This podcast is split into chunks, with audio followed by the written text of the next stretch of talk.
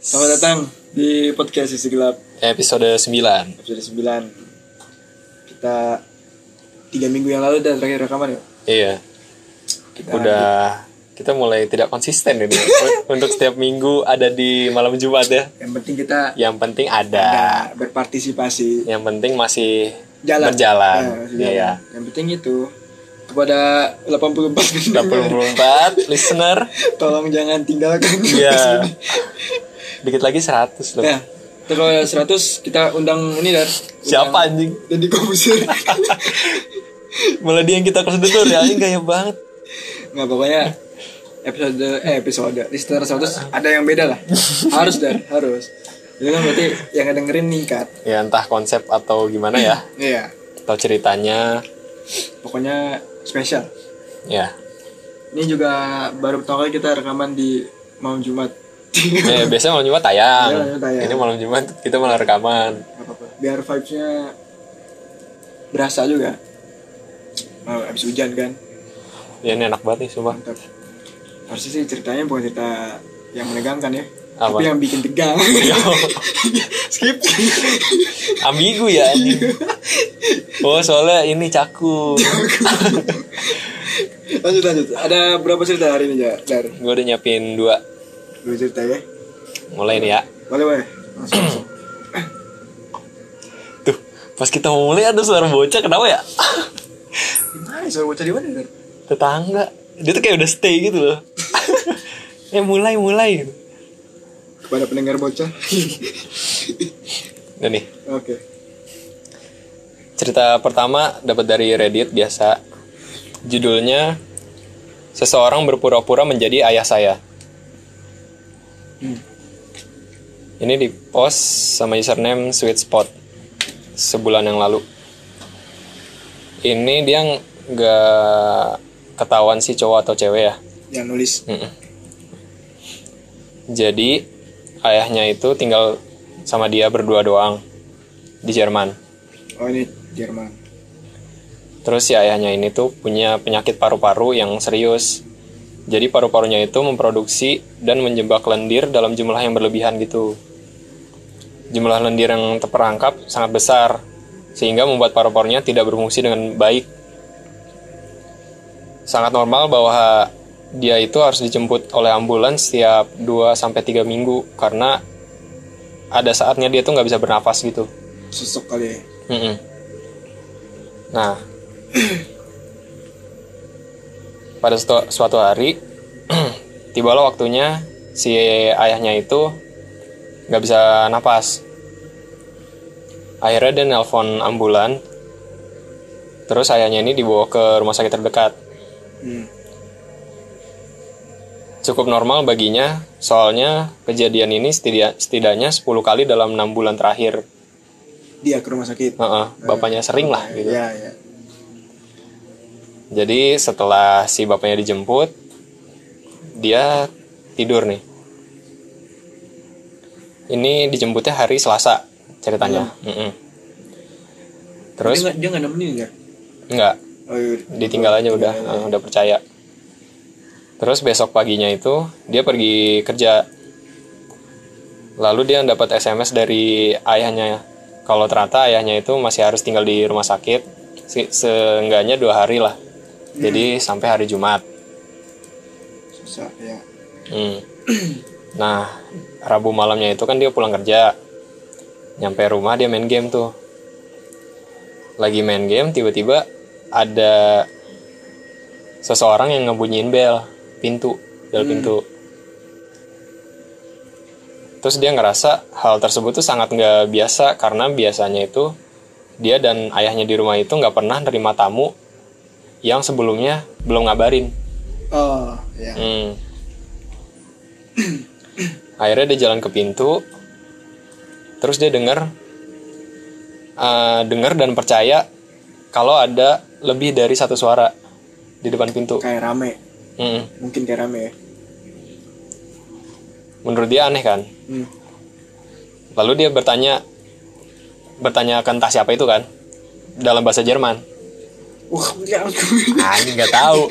Intinya, halo siapa itu gitu. Eh, terus diam selama tiga detik kemudian suara orang yang terdengar seperti suara ayahnya tetapi dia yakin bukan ayahnya seperti ayahnya Seperti. yang tidak seperti ayahnya gitu Masa sih kayak mungkin mirip gitu ya Mirip, gitu. iya. Tapi dia yakin bukan ah gitu ya. Awalnya dia nggak ngeh nih.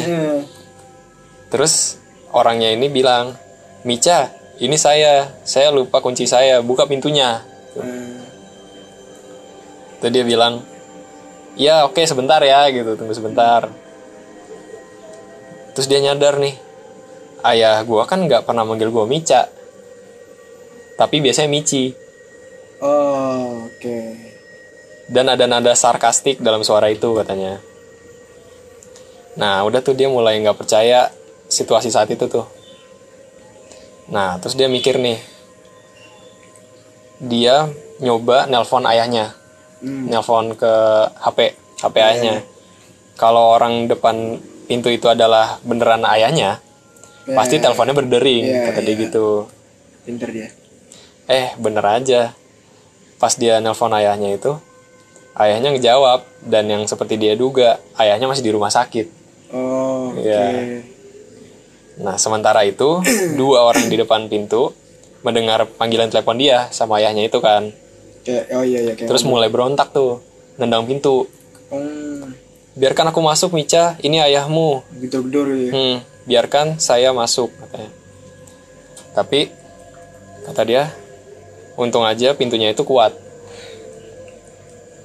Akhirnya dia pun mengancam orang itu dengan manggil polisi. Sembari dia membawa pisau gede Eh, hmm, yang udah dia pegang di tangannya. Akhirnya mereka pun pergi.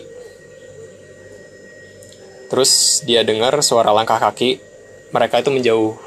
ah, pokoknya cabut lah Mm-mm, tapi dia langsung bergegas ngecek ke jendela uh, buat mastiin orangnya beneran udah pergi atau enggak. Sekalian dia uh, penasaran nih, apakah mereka naik kendaraan. Jadi dia mau ngetep ya plat nomornya. eh, Ternyata mereka nggak bawa kendaraan apa-apa gitu. hilang aja Nah, tapi masih kelihatan gitu aja lah ya iya udah, cabut udah tuh. udah menjauh. Mereka pun nggak pernah kembali tuh. Nah, hal yang aneh adalah dari mana mereka tahu namanya. oh iya dan dari mana mereka tahu ayahnya itu di rumah sakit, nah sedangkan walaupun mobilnya dia itu ada di depan rumah gitu loh. Mobil bapaknya. Mm-mm. pokoknya setelah kejadian itu tadi polisi udah datang investigasi pun sedang berlangsung. Selesai. Gua suzon gua nih. Apa? Suzon gua itu salah satu staf rumah sakit. Eh, gue gak kepikiran loh. Soalnya analisis gua kan bapaknya sering tuh ke rumah sakit. Ya. Udah ber ya kan dia ber, se- sebulan Berkali-kali, berkali lah dia berbulan-bulan. Terus kayak bagus. Sorry-sorry ada distract.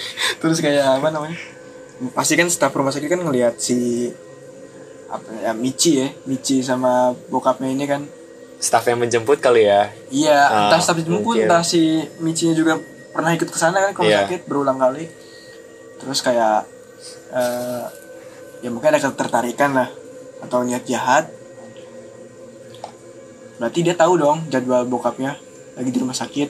Ya berarti kan staff rumah sakitnya udah punya data ini dong Eh, alamat gitu, entah dia mungkin juga sebenarnya abis dari rumah sakit maksudnya dia Hmm. di rumah sakit dan tahu gitu. Terus akhirnya ke rumah si itunya.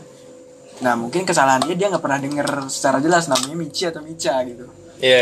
eh, si bapaknya manggil apa gitu kan karena kan akan mencurigakan juga kalau dia stop nah ini pasti kenapa bu gua ngiranya dia bukan dokter kalau dokter pasti dia tahu nama anaknya nama aslinya Iya, iya. ya kan karena dia Lebih akrab lebih harusnya akrab ya, harusnya istilahnya. gue yakin dia mungkin staff-staff ya janitor atau staff yang Biasa yang, jemput. biar- yang nggak stay lama di pasien gitu maksudnya Hmm. yang cuma sekilas sekilas sekilas sekilas dan nggak mungkin suster atau ini juga perawat soalnya Masuk akal sih. Soalnya ini gue jadi inget episode salah satu serial favorit gue namanya Hmm. Criminal Mind. Jadi ya tentang detektif gitu. Sama kayak eh, anaknya diculik. Anak eh, seorang pejabat diculik. Terus kayak mereka pusing gitu si detek- detektifnya nyari ke mana-mana. Ternyata nggak ada tanda-tanda bahwa ada orang niat nyulik anaknya gitu maksudnya nggak ketemu dia nggak punya musuh nggak punya apa maksudnya normal gitu Hmm. jadi teman-temannya juga maksudnya ini orang baik gitu nggak nggak mungkin punya masalah masalah gitu. asumsinya kan wah ini pasti orang random yang emang datang dari kota yang jauh ke kota dia buat lakuin kejahatan Hmm. eh taunya di akhir film penjahatnya adalah Hmm.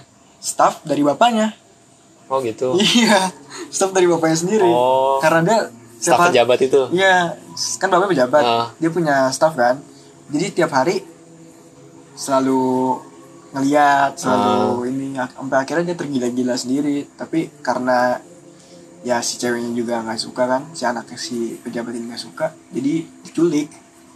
Nah ternyata dan yang kocak lagi si detektif ini, tim detektif ini nyari, padahal si orang ini ada di tim pencari itu. oh gitu Iya nyamar Ah. jadi anggota pencari juga. Jadi selama ini jadi dia selama tahu. ini iya dia tahu dia dicari gitu iya. oh gitu Nah, sampai akhirnya si detektifnya nyadar lah ujungnya gitu lah terus ketangkep ketangkep. pantesan lu bisa langsung cepat mikir begitu Iya ya kayak lu udah punya referensi gitu iya relate. iya iya soalnya aneh juga sih kalau random ya Mm-mm. Kalau random kan kemungkinannya dia bisa jadi serial killer Mm-mm. Berarti yang udah mantau lama dan pastinya nggak ngebunuh orang sekali kalau random. Dia dia akan ngebunuh lagi atau udah pernah ngebunuh. terus ini tuh kayak sekali diancam panggil polisi gitu langsung cabut, Cabut-cabut. gitu iya Nah. nggak ada usaha yang lebih brutal gitu loh Hmm. Ya itu asumsi gue sih. Tapi Bisa masuk akal sih. ya masuk akal cuy Ya, terima kasih kepada Criminal Minds telah membantu otak gue.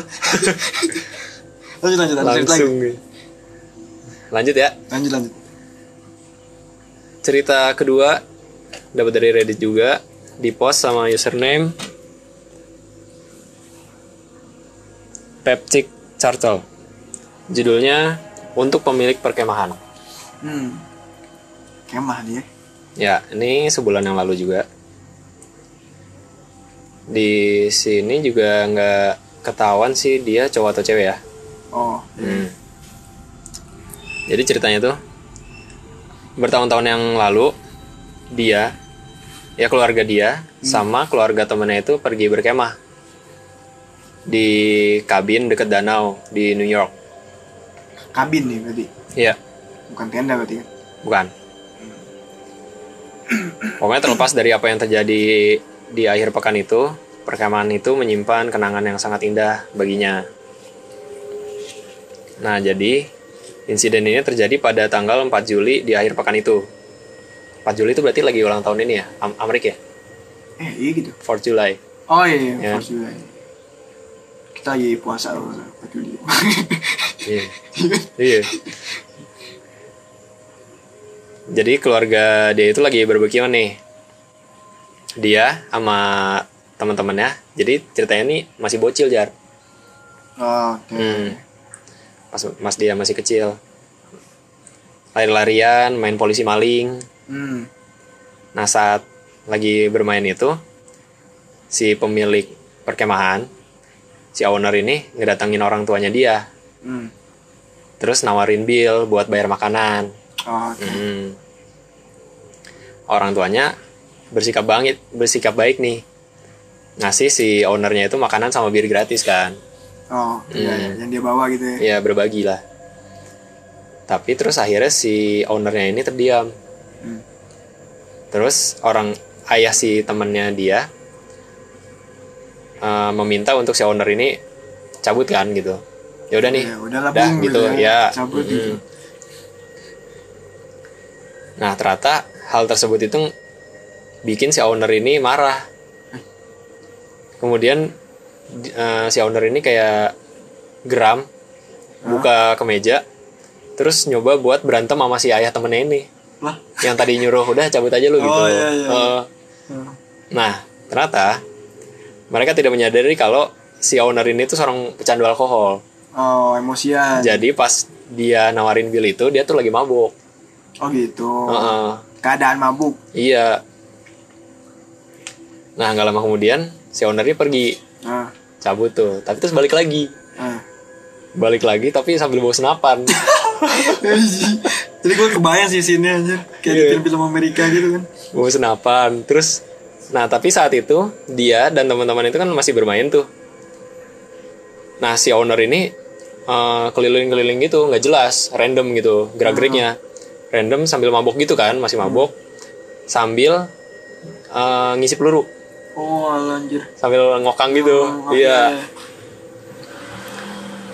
Nah salah satu temannya dia itu ya kan masih bocil nih ah. dan inosen nggak ngehampirin si owner terus nanyain. Oh alah. Nanyain gini "Eh, apa sih yang pengen om mau om mau ngapain gitu? Oh iya iya. Eh, terus si owner ini ngomong pokoknya saya akan nunjukin sesuatu kepada ayahmu gitu Eh, terus salah satu keluarga dari salah satu dari mereka itu eh, ngeliat kejadian itu terus langsung bergegas ngambilin kan oh.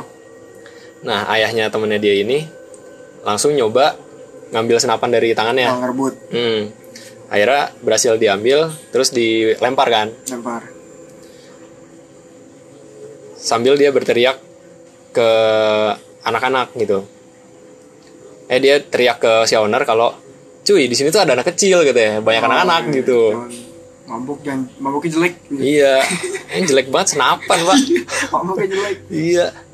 Terus pada titik itu si penulis ini tahu ternyata sesuatu yang buruk sedang terjadi gitu.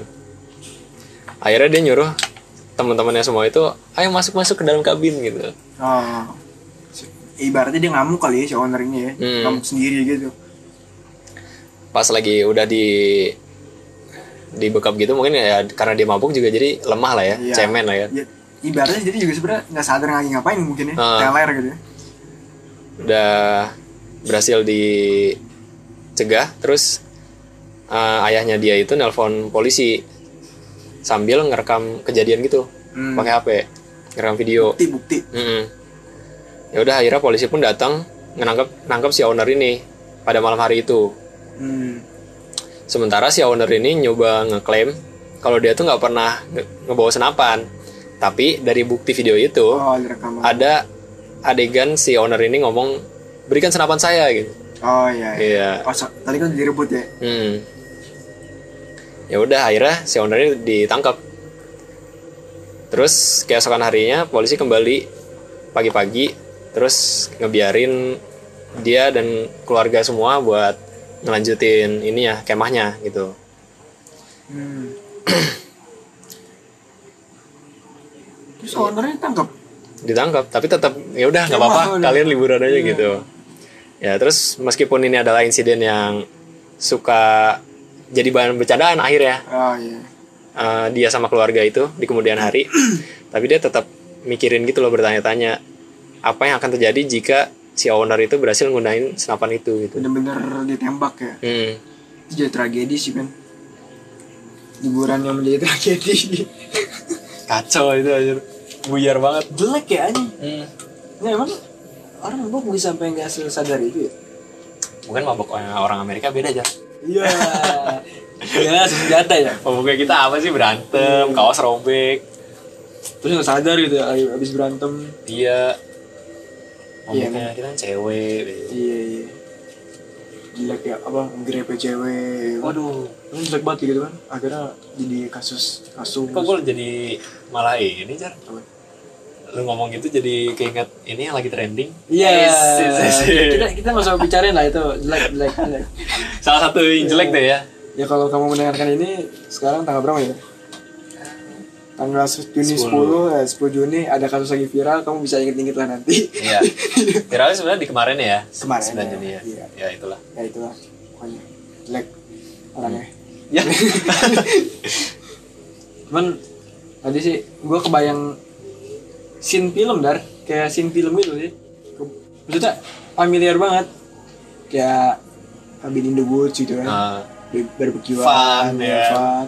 dan kayak si pemilik ownernya kan orang-orang ini teh ya apa orang-orang hutan teh yang hmm. pakai kemeja flanel, flanel badannya boots, gede ya eh, celana kargo, bewokan, kayak gitu ya. kebayang lo Kebayang, kebayang. Bawa senapan sambil mabok gitu kan. Hmm, jadi pas diomelin tuh dia kayak diam oke gitu Iya, cabut nih cabut. cabut eh balik lagi Iya. langsung woi rame Cuman nggak kuat lari teh ya jatuh gitu kan Hmm, jatuh. iya iya iya. sambil sempoyongan gitu kan mau ngisi peluru susah gitu Amerika banget ini si- Hmm. sini ini aslinya. Dan dia tinggal di mana tadi? iya New York kan? Hmm. Ya. New York emang ada wisata alam? nah itu dia ada danau Entah ya. ya nanti kita berkunjung lah Oh, sana Oke siap siap. Itu dari gue nih sekarang. yuk yuk Eh, itu udah dipastiin nyala. udah udah Udah kan ya? Hmm. Oke. Nah jadi cerita dari gua kali ini, gua sebenarnya nggak mau bukan cerita nih dari, tapi gua bakal ya cerita juga sih ya. menjelaskan Iya menjelaskan. Maksudnya ini bukan cerita dari Reddit atau dari orang gitu, ya tapi ini adalah sebuah kasus nyata yang Ya. terjadi. Jadi kasus Kriminal. kriminal. yang telah terjadi di Korea, Korea Selatan. Oh. Nah, Hmm. Tadi gue mau nyari Indonesia, cuman Indonesia tuh butuh lebih banyak eh, referensi ternyata. Hmm. Jadi gue coba yang eh, ringan-ringan dulu ya. Walaupun kasusnya ini luar biasa, viralnya. Nama kasusnya itu The Raincoat, Raincoat, Raincoat nih, raincoat Raincoat Killer. Karena eh, khasnya si pembunuh ini adalah dia sering pakai jas hujan warna kuning sama topi baseball pas ngebunuh. ya ya gue kayak pernah tahu nih. Ah, iya. tapi nggak tahu jelas ya udah Iya, iya, lanjut aja. Jadi iya, gini ini Eh, nama asli seorang ini Yo Yung Chul si pembunuh ini namanya. Dia adalah eh, orang Korea Selatan yang didakwa atas kasus pembunuhan berantai sebanyak 20 orang 20 orang men dan juga dugaan kasus kanibalisme Ah, yang kanibal juga kanibal juga dugaan kasus oh kanibalisme enggak. Nah, eh, korban yang diincar adalah orang kaya, tapi yang udah tua, Hmm. dan juga para pelacur. oh perek Karena, nah kita lihat nih, kenapa sebenarnya dia ngincernya itu dua. Jadi Ya. dijelasin. ih mantap Nah, si Yo Young Chul ini eh, lahir tahun 1970, si muda sebenarnya. 30-an ya Iya, di Seoul. Ya, 40 di Seoul. Eh, keluarganya ini miskin ya. Waktu Dia masih kecil ya. Keluarganya ini miskin. Jadi pas di sekolah tuh dia sering dibully sama teman-temannya. Eh, kayak ah ya gitulah. Kan aneh ya kalau di sana ya orang miskin dibully gitu. Ah sama aja sih di sini juga ya. oh budaya Korea ya Iya, Iya, iya, ya tahu, kan? tahu, tahu. Kayak orang jelek pun dibully kan bully ya. Bulinya juga abis-abisan lah gitu ya. Nggak Hmm. kayak di kita gitu. Akhirnya dia tumbuh dengan dendam kepada orang kaya. Hmm. Eh, ingat nggak gue pernah cerita tentang seorang pembunuh atau kriminal itu diawali dengan trigger kecil yang mungkin masa lalu atau dari kejadian suatu Hmm. yang terus dia juga ngelakuin kejahatan-kejahatan kecil dulu sebelum ngelakuin kejahatan gede Hmm. ya kan? Gue pernah cerita itu kan di podcast. Nah begitu juga nih si Yoyon Chul. Jadi sebelum dia memutuskan untuk jadi pembunuh ya ternyata dia tuh punya track record kriminal juga deh nah itu sejalan nih teorinya. Jadi waktu dia masih umur belasan tahun dia pernah ditangkap karena pencurian. Anjing. Eh, itu tahun 1988 itu mungkin tadi kan dia 1970 ya baru 18 tahunan kayaknya. terus pas tahun 1991 dia juga di eh, penjara 10 bulan ya karena ngelakuin pencurian lagi. Hmm. nah di 1993 dia di- ditangkap lagi dan dijatuhi hukuman 8 bulan karena mencuri. Lagi? Lagi tiga kali mencuri ya di masa muda dia. Terus naik tingkat kejahatannya dengan dia melakukan tindak penjualan pornografi anak pedofilia. Oh iya. Tahun 1995 di penjara juga. Nah, terus tahun 1998 dia di penjara lagi. Ayo suram banget. 1995 kan tangkap pedofilia Oh. mungkin keluar ya. Terus 1998 ditangkap lagi karena lakuin pencurian dan pemalsuan identitas. Ah. jadi kayak dia ngaku jadi seseorang. Oh Mungkin gitu ya. merugikan merugikan orang lain, ya. ya. nah sebenarnya doi ini memiliki kehidupan yang normal. Dia menikah sebenarnya. Oh. Tahun 2000 eh tahun 1991 tuh dia nikah. Terus punya anak juga satu nah tapi ya gitulah dia kebiasaan kriminalnya nggak nggak bisa dilepas gitu ya hmm. dari dari kecil dari remaja dan juga yang tadi gue bilang pencuriannya eh kriminalnya terus meningkat nih dari yang tadinya cuma nyuri terus akhir pornografi anak curi identitas Hmm. pada akhirnya tahun 2000 dia ditangkap lagi karena memperkosa seorang anak kecil berusia 15 tahun ya remaja lah ya sorry ya, ya di bawah umur lah itu 15 tahun. Tangkap. ditangkap karena dia ketahuan memperkosa seorang gadis berusia 15 tahun.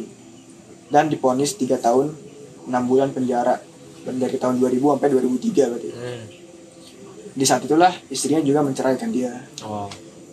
nah akumulasi dari kejadian-kejadian hidupnya ini dari dia kecil dibully sampai akhirnya istrinya nyerahin dia inilah yang membuat dia memutuskan untuk jadi pembunuh berantai di tahun 2003 setelah dia keluar dari Dari si abis perkosa Perkosa. anak anak 15 tahun itu kan. Gue gak ngerti sih dia kenapa ya. Udah berkali-kali masuk penjara malah meningkat gitu kejahatan Iya. dia ya kan? Semakin kepo. semakin semakin terus ditingkatin gitu. Kan kalau orang bagus ya tingkatkan prestasimu mungkin dia kenapa ya kalau Ya itu masuk tuh di mindset dia tuh. Ya bagus ya tinggalkan tingkatkan terus prestasimu ntar masuk penjara lagi gitu tapi dari latar belakang psikologisnya kelihatan lah ini orang fuck up banget awalnya dibully terus ujungnya diceraikan karena karena ulah dia juga kan sebenarnya Iya. Nah, kita mulai ke kasus pembunuhannya nih.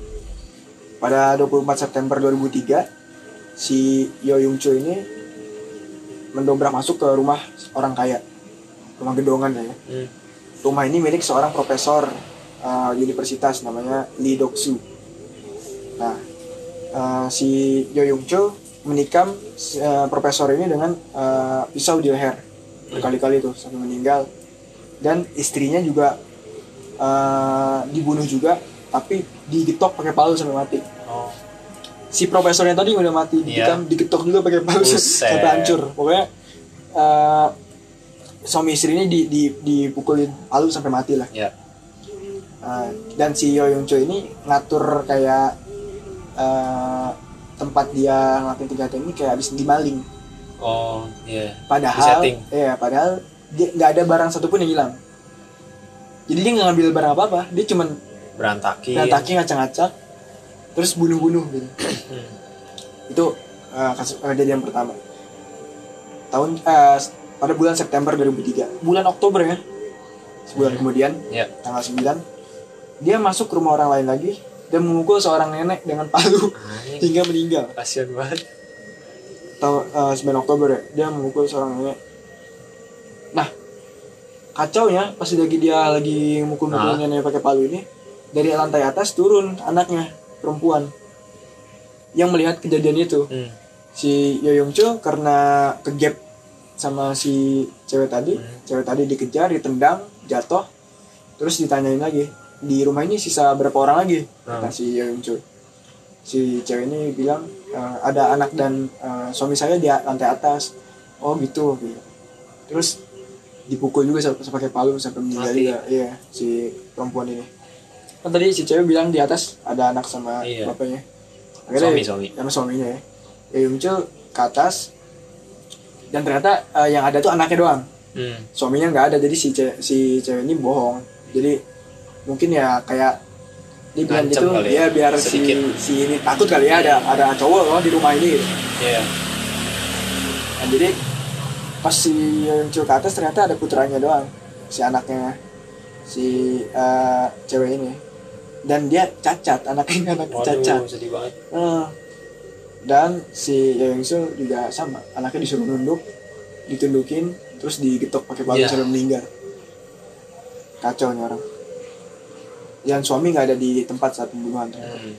jadi nenek ibu anak meninggal di Palu Di Palu. Oh, bukan di Korea, di Palu berarti meninggal. oh iya bukan maksudnya digetok Palu hammer, Di. Kota Palu. 9 Oktober Hmm. beberapa hari kemudian 16 Oktober dia ngelakuin pembunuhan lagi ini orang beberapa hari kemudian udah ngelakuin lagi nih. terhadap seorang istri jutawan istri orang kaya juga Ya. Namanya Yu John Hee dia diancam dengan pisau terus si uh, Yo mas si Yo Yun Chul masuk dan uh, diseret ke kamar mandi dipukul lagi pakai palu jadi di modus pembunuhannya selalu menggunakan Pisau. pa- palu Oh, palu. itu ciri khas dia ntar kita bahas lah kita Hmm. kenapa dia kayak gitu nah eh, ditemukan oleh putranya di kamar mandi udah hancur lah ya di Tok Palu Hmm. Masih hidup sebenarnya tapi Sekarat. meninggal ya. Meninggal. November ya sebulan kemudian. September Oktober November ya. Tanggal 18 dia masuk lagi ke rumah orang kaya lagi Hmm. di sayangnya yang dia ketemu adalah eh, pembantunya pembantu rumah itu. Namanya Bae Ji Hye. Nah dia lagi gendong bayi. Hmm. bayi si eh, pemilik rumah. Iya. kan dia pembantu diancam tuh sama si Yongcho Eh ini yang mana? Tuan tuan kamu mana? Hmm. Eh, ada di lantai atas dan dia diancam pakai pisau kan? Di lantai atas. Terus akhirnya eh, dia ke atas ngelihat si pemilik rumah namanya Kim Jong Suk lagi tidur. Diketok. Palu. Iya, di, di Palu sampai mati. Pembantunya tadi yang udah ngasih tahu si Bae Ji Hye Iya. kan di bawah tuh. Iya. dia turun lagi ke bawah. Terus sama dipukulin dulu pakai palu dita- ditaruh di sofa dulu tapi dia ditaruh di sofa Ah. di dibungkus pakai selimut baru dipukulin sama palu sampai meninggal juga dengan luka yang fatal lah karena mem- membabi buta gitu kan dipukul dan untungnya bayinya nggak Dibiarin. dibiarin nah itu tanya ada apa untungnya bayinya diselamatkan Bayinya belum kaya soalnya. iya kali ya. Tetap aja tai sini orang Iya. Dan dia membakar rumahnya Buset. rumah itu bayi kebakar lu. Nggak, untungnya bayi diselamatkan. Oh, jadi, dia. jadi enggak maksudnya rumahnya belum belum, belum habis kebakar, mungkin ada orang yang lihat masuk. Oh, iya, iya. Ya ngerti kan maksudnya? Hmm.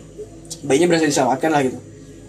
Dia membakar rumahnya untuk menghancurkan bukti DNA yang mungkin tersisa. Maksudnya cepretan dari Biar dia nggak ketangkap. Iya. Sebulan kemudian, Desember 2003, uh, Yeon Chul uh, punya pacar nih. Pacar itu seorang gadis uh, malam gitu lah. Hmm. gadis pendamping lah ya disebutnya. Nah, tapi si pacar ini ternyata nemuin kalau si Yeonjo ini seorang pembunuh. Akhirnya tahu lah. Akhirnya gitu. keungkap ya, dikorek gitu sama pacarnya sendiri tahu. Dan dia eh, diputusin lah Hmm. sama si pacar itu. Hal ini membuat si Yeonjo marah dan akhirnya memutuskan untuk kembali membunuh di tahun 2004 di, di, di, di bulan selanjutnya gitu. Iya, iya. Eh, dia membunuh seseorang pedagang kaki lima. Nah ini udah beda, udah beda nih modus operasinya. Pertama kan orang kaya. Hmm. Nah ini dia membunuh seorang pedagang kaki lima namanya Chung Yong Dae dan membak- membakar mobil dagangannya. Terus pas Maretnya dia mencekik eh, seorang eh, pedagang juga eh, namanya Kwon Jin Hye dan memotong-motong mayatnya dan membuang jenazahnya di jalan setapak di dekat Universitas Ogang. Terus dia juga membunuh lagi pedagang kaki lima namanya An Jae Sun. Yang ini kali ini dia menikah 20 kali pada April tanggal 14 karena menjual Viagra palsu padanya. Oh. Iya. kesel kali ya. Ih, ini orang banget. Nah, terus di bulan Mei-nya dia juga dia menyewa gadis panggilan Hmm. bulan Mei-nya ya. Terus kemudian si gadis panggilan ini setelah sampai ke rumah dia dipukul pakai palu lagi hingga pingsan Lah. dan memenggal kepalanya di kamar mandi. Buat bunuh doang, dibunuh doang. Iya. Dan dia menghancurkan kepalanya Buset. di kamar mandi. Dimutilasi tubuhnya dan sisanya dikubur. Di sinilah dia melakukan modus operasi baru yaitu dia sampai akhir nanti ketangkep Hmm. ngincernya para pelacur. Kita lihat perubahannya ya. Hmm. Awalnya Orang orang-orang kaya, kaya, pedagang kaki lima. pedagang kaki lima ini entah shiftingnya mungkin ya. Akhirnya ke para pelacur. Hmm. Nah, eh, dua hari setelah melakukan pembunuhan terakhirnya kepada para pelacur juga kan, eh, si Yeonju akhirnya ditangkap. Karena berhasil ditangkap gini, si eh sorry, jadi eh, dia pelacur sama anti pijet apa? Terapis. itu terapis, terapis pijet. Jadi pelacur juga sama terapis pijet. Eh, si jadi eh, pihak dari terapis sama eh, pelacurannya itu lapor polisi soalnya ada satu customer yang kalau dia mesen wanita ya Hmm. eh, nggak ada kabar lagi dari wanita Kok ini nggak balik? nggak Ya, balik iya. iya ini udah sebulan gitu dan selalu gitu gitu Hmm. beberapa kan curiga kan Terus dilacak. Mm-mm. kok nggak balik-balik nah akhirnya mengarahlah ke satu nama ya si ya, si Si Yo. Yo ini dan dia ditangkap Eh, akhirnya dia mengakui semua kebusukan dia lah pembunuhan dia selama yang dari tahun Si, ah. 2003 Membunuh orang kaya. iya sampai ke akhirnya 2004 gitu 2004. ini dia juga nggak nggak apa ya gimana itu ngomongnya nggak kayak nggak takut ini maksudnya kayak nggak takut ditangkap juga Ditangkap, ah. Dia dia berusaha melarikan tulus ya. iya Hmm. kayak nggak berasa salah gitu dia melakukan percobaan uh, pelarian dari uh, kantor polisi Oh. setelah dia pura-pura sakit Ah. dia, dia kabur keluar Berhasil. berhasil dan ketangkep setelah 12 jam dicari Oh. jadi kayak nggak nggak kapok gitu Iya, terus iya. terus desire untuk kejahatannya Ya itu tadi kamu bagus kamu Iya, tingkatkan lagi terus- prestasinya. ini kenapa nih orang aneh banget dia pertama kali diadilin tahun 2004 nih ini satu pernyataan dia yang tai sih dia minta maaf pada keluarga korban tapi dia bilang kalau dia nggak ditangkap dia nggak niat buat ngelakuin eh dia nggak niat buat berhenti ngelakuin Berhenti, pembunuhan ya.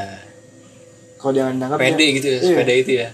dia minta kok dia minta maaf tapi dia bilang Kalau kalaupun saya nggak ditangkap saya tetap ngelakuin pembunuhan terus hmm, anjir. dua minggu kemu- kemudian nih orang si Yo nyerang hakim yang lagi ngadilin dia Ah. dia di dipukul atau Oh maksudnya nyerang fisik? nyerang fisik pas lagi di pengadilan terus eh, dia juga ta- eh, pas lagi diadilin lagi di eh, di salah satu pengadilan dia juga eh, mukul orang yang jadi apa saksi gitu ya Hmm. yang nonton pengadilan itu karena ngata-ngatain dia lah ngutuk-ngutuk dia dia emosi Hmm. pukul gitu. akhirnya pada tanggal eh, 13 Desember 2004 dia dinyatakan bersalah dan jatuhi hukuman mati dan dia dihukum 20 eh dia dihukum karena 20 pembunuhan Hmm. 20 pembunuhan bro dengan rentan waktu cuma setahun 2003 Iya. sampai 2004 Itu nggak nyampe setahun juga loh. nggak nyampe setahun juga Iya, ya dia tadi berapa bulan? Oktober gitu mulai Iya. kan dihukum karena 20 pembunuhan dan dipenjara di pusat penahanan Seoul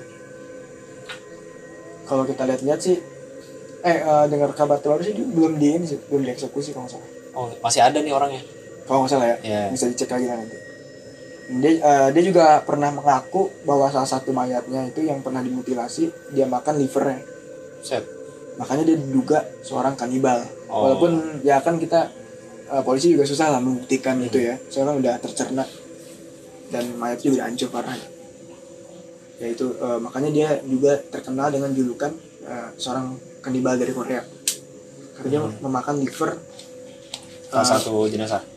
beberapa jenazah Oh beberapa. Eh, dia sendiri tapi yang ngaku dia sendiri yang ngakuin Eh, nah kita coba bedah eh, modusnya dia ya cara dia. Kan setiap pembunuh berantai itu punya ini ciri khas. Hmm. pasti itu. Pembunuhan. makanya dia suka disebut julukannya apa? Ya kan? Misalkan kayak zodiac killer atau apa eh, banyak lah disebut-sebut. Nah kalau dia terkenal kan tadi raincoat killer. Hmm. Karena saat dia ngelakuin pembunuhan ngelakuin dia ngubur dia ngebunuh dia motong-motong uh, tubuh korban biar darah korban nggak bercecer di pakaian dia dia pakai jas hujan warna kuning Oh itu tuh salah satu alasan Nah, ternyata. ternyata Oh. dan dia juga suka uh, ngampirin korbannya dengan uh, ciri-ciri pakai jas hujan warna kuning dan Hmm. topi baseball makanya dia disebut Raincoat. raincoat nah yang menarik adalah ada ini sebenarnya kasusnya udah selesai kita mungkin bahas lebih dalam ya Hmm. gua berasumsi berasumsi aja nih yang menarik adalah dia shifting dari eh, membunuh orang kaya terus ke Pedagang. pedagang terus ke wanita-wanita panggilan Hmm. jadi dia statementnya gini dar dia nge-quote segini "Eh, seorang wanita itu nggak seharusnya menjadi pelacur dan orang kaya harus tahu apa yang dia lakukan. Itu kata dia di pengadilan. Hmm. jadi dia emang punya dendam terhadap dua simbol ini kekayaan sama pelacur. eh, wanita Cewek. lah ya wanita lah ini sebenarnya. Oh, iya. dia, dia kayak umum. Kalau lu tadi nyimak sebenarnya ini bisa kita tracking dari dua kejadian yang mempengaruhi hidup dia. Ya kan? Yang pertama adalah dia dulu dibully ya waktu masih kecil kan sama orang-orang kaya teman-temannya. Hmm. itulah yang mungkin terpendam hasrat di dia hingga akhirnya dia melakukan pembunuhan kepada orang kaya. Terus kenapa wanita? Karena tadi dia dicampakkan oleh seorang wanita yang dia udah hubungan yang mengetahui kejahatan dia sebelum-sebelumnya Hmm. bahwa dia juga pernah membunuh gitu akhirnya juga dia membenci lah kayak membenci simbol wanita ya terutama wanita malam karena Ya. kan pacarnya tadi wanita malam juga kan Ya.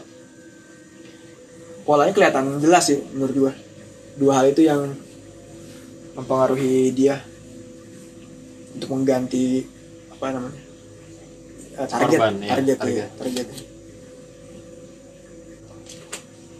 bisa di tracking dan jadi pertanyaan gua adalah kenapa dia pakai palu Tadi kan lu bilang ngancemnya pakai pisau, eh ada yang pakai pisau, Eh. tapi rata-rata kemudian pakai palu gitu ya. eh, eh, ya menghancurkannya pakai palu gitu Hmm.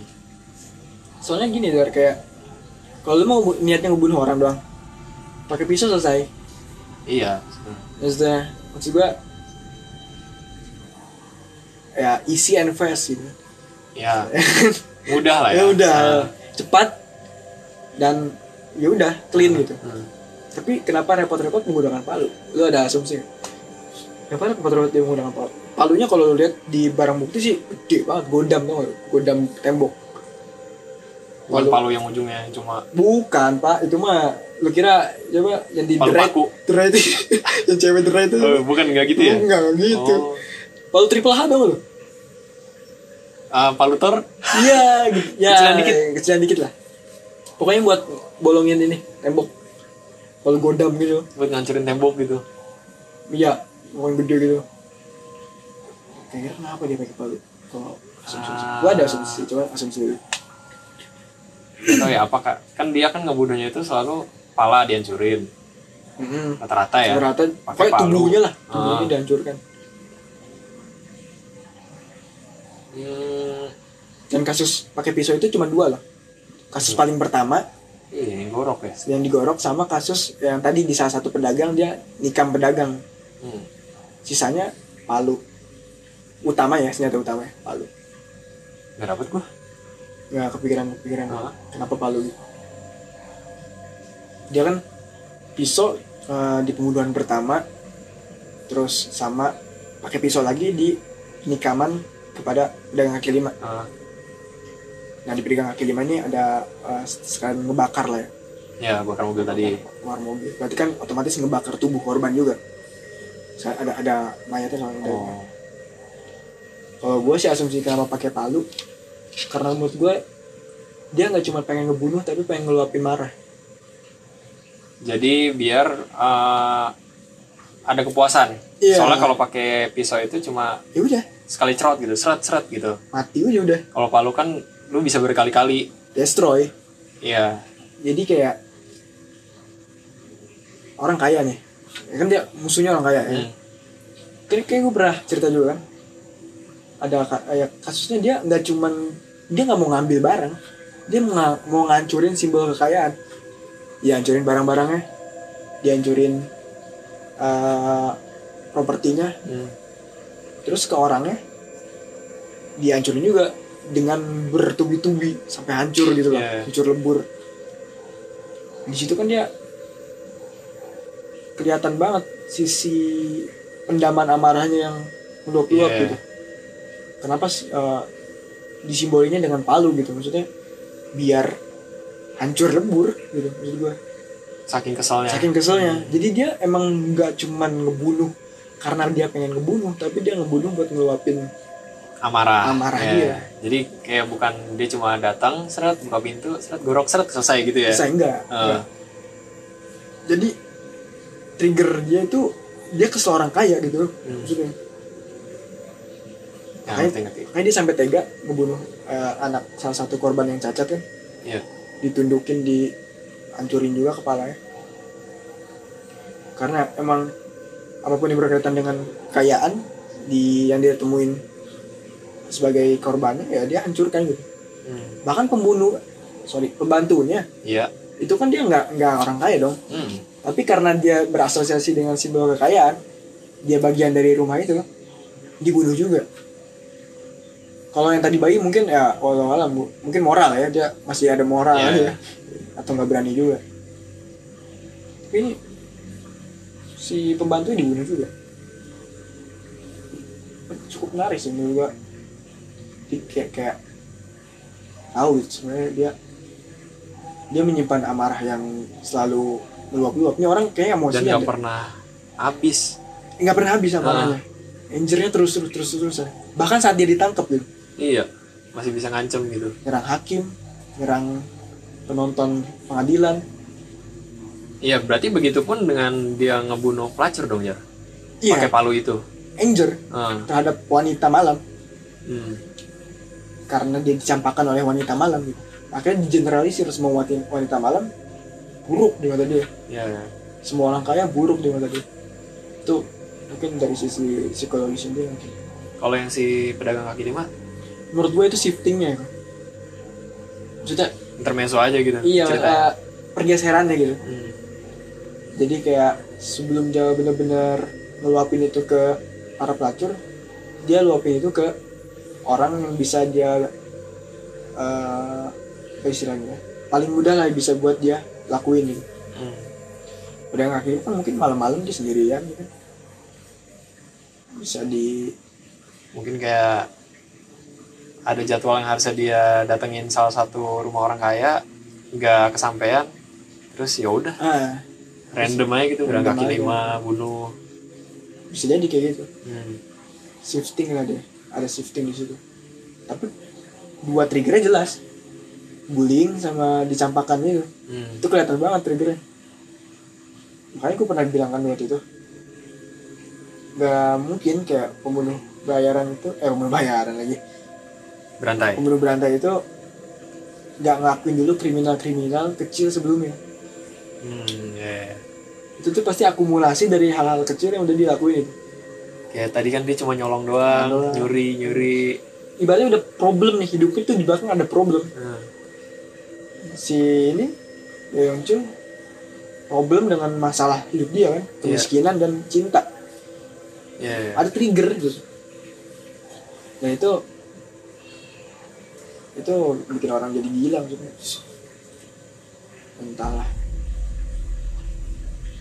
Ya ini kasusnya lumayan viral di Korea sana kan kayak menghebohkan Korea lah Hmm. pada saat itu Ya, ini gue pernah lihat itu Jar, di Twitter oh ya nah, ada fotonya gitu oh, iya kasus ini pernah ada tweet ya hmm, pernah pernah ada Iya soalnya terkenal parah. Dan si siapa? Ya, CEO ini juga pernah jadi ngebantuin polisi buat nangkep pembunuh berantai lainnya. Ada salah satu Oh, kasusnya. gitu. Ya mungkin next gue ceritain. Oh Jadi iya. dia dia dimintain polisi buat mengidentifikasi kasus eh, yang selama 30 tahun nggak terungkap di Korea. Dan dia berhasil Oh, gitu. polisi buat keren juga. Ini dibikin film kan film si Si Raincoat ini? Raincoat ini. Oh iya. Kalau nggak salah juga The, The Chaser. Film Korea Selatan. Berarti lama? Udah lama. Hmm. The, The Chaser. Chaser. Eh kucing ya itu. Berhati-hati lah pada orang di, di luar jas hujan. Ya intinya adalah berbuat baiklah kepada orang lain ya. Ya. karena kita nggak tahu apa sih yang membekas di dia. Iya benar. Bukan di hati. Mm-mm. kadang kan orang jadi kita nggak tahu kalau orang itu siapa tahu nggak ikhlas. Itu dia. Dendam. Dendam itu dia kan. Kadang apa yang kita anggap sepele di orang efeknya gede mungkin. Hmm. Itu dia udah sering diremehin orang lu tambah remehin lagi. Ditambah background keluarga nggak tahu. Iya. Kita nggak tahu. Takutnya lu yang jadi sasaran maksudnya. Amarah bertahun-tahunnya itu. Luapan amarah itu. Kan ada satu titik lah di mana kita fuck up dengan hidup gitu hmm. mungkin ya ada orang yang nggak normal meluapkan itu dengan kekerasan dan pembunuhan ya udah Ya udah. cukup hari ini. Kita eh, berhenti sampai sini dulu. Ya udah sampai jumpa di episode selanjutnya. Episode 10 kita ketemu lagi. Oke semoga sampai 100 pendengar ya. Dikasih episode spesial ntar yang 100 undang pembunuh bayaran. Anjing. Bangsat. udah kagak lanjut dong si gila itu oke dadah dah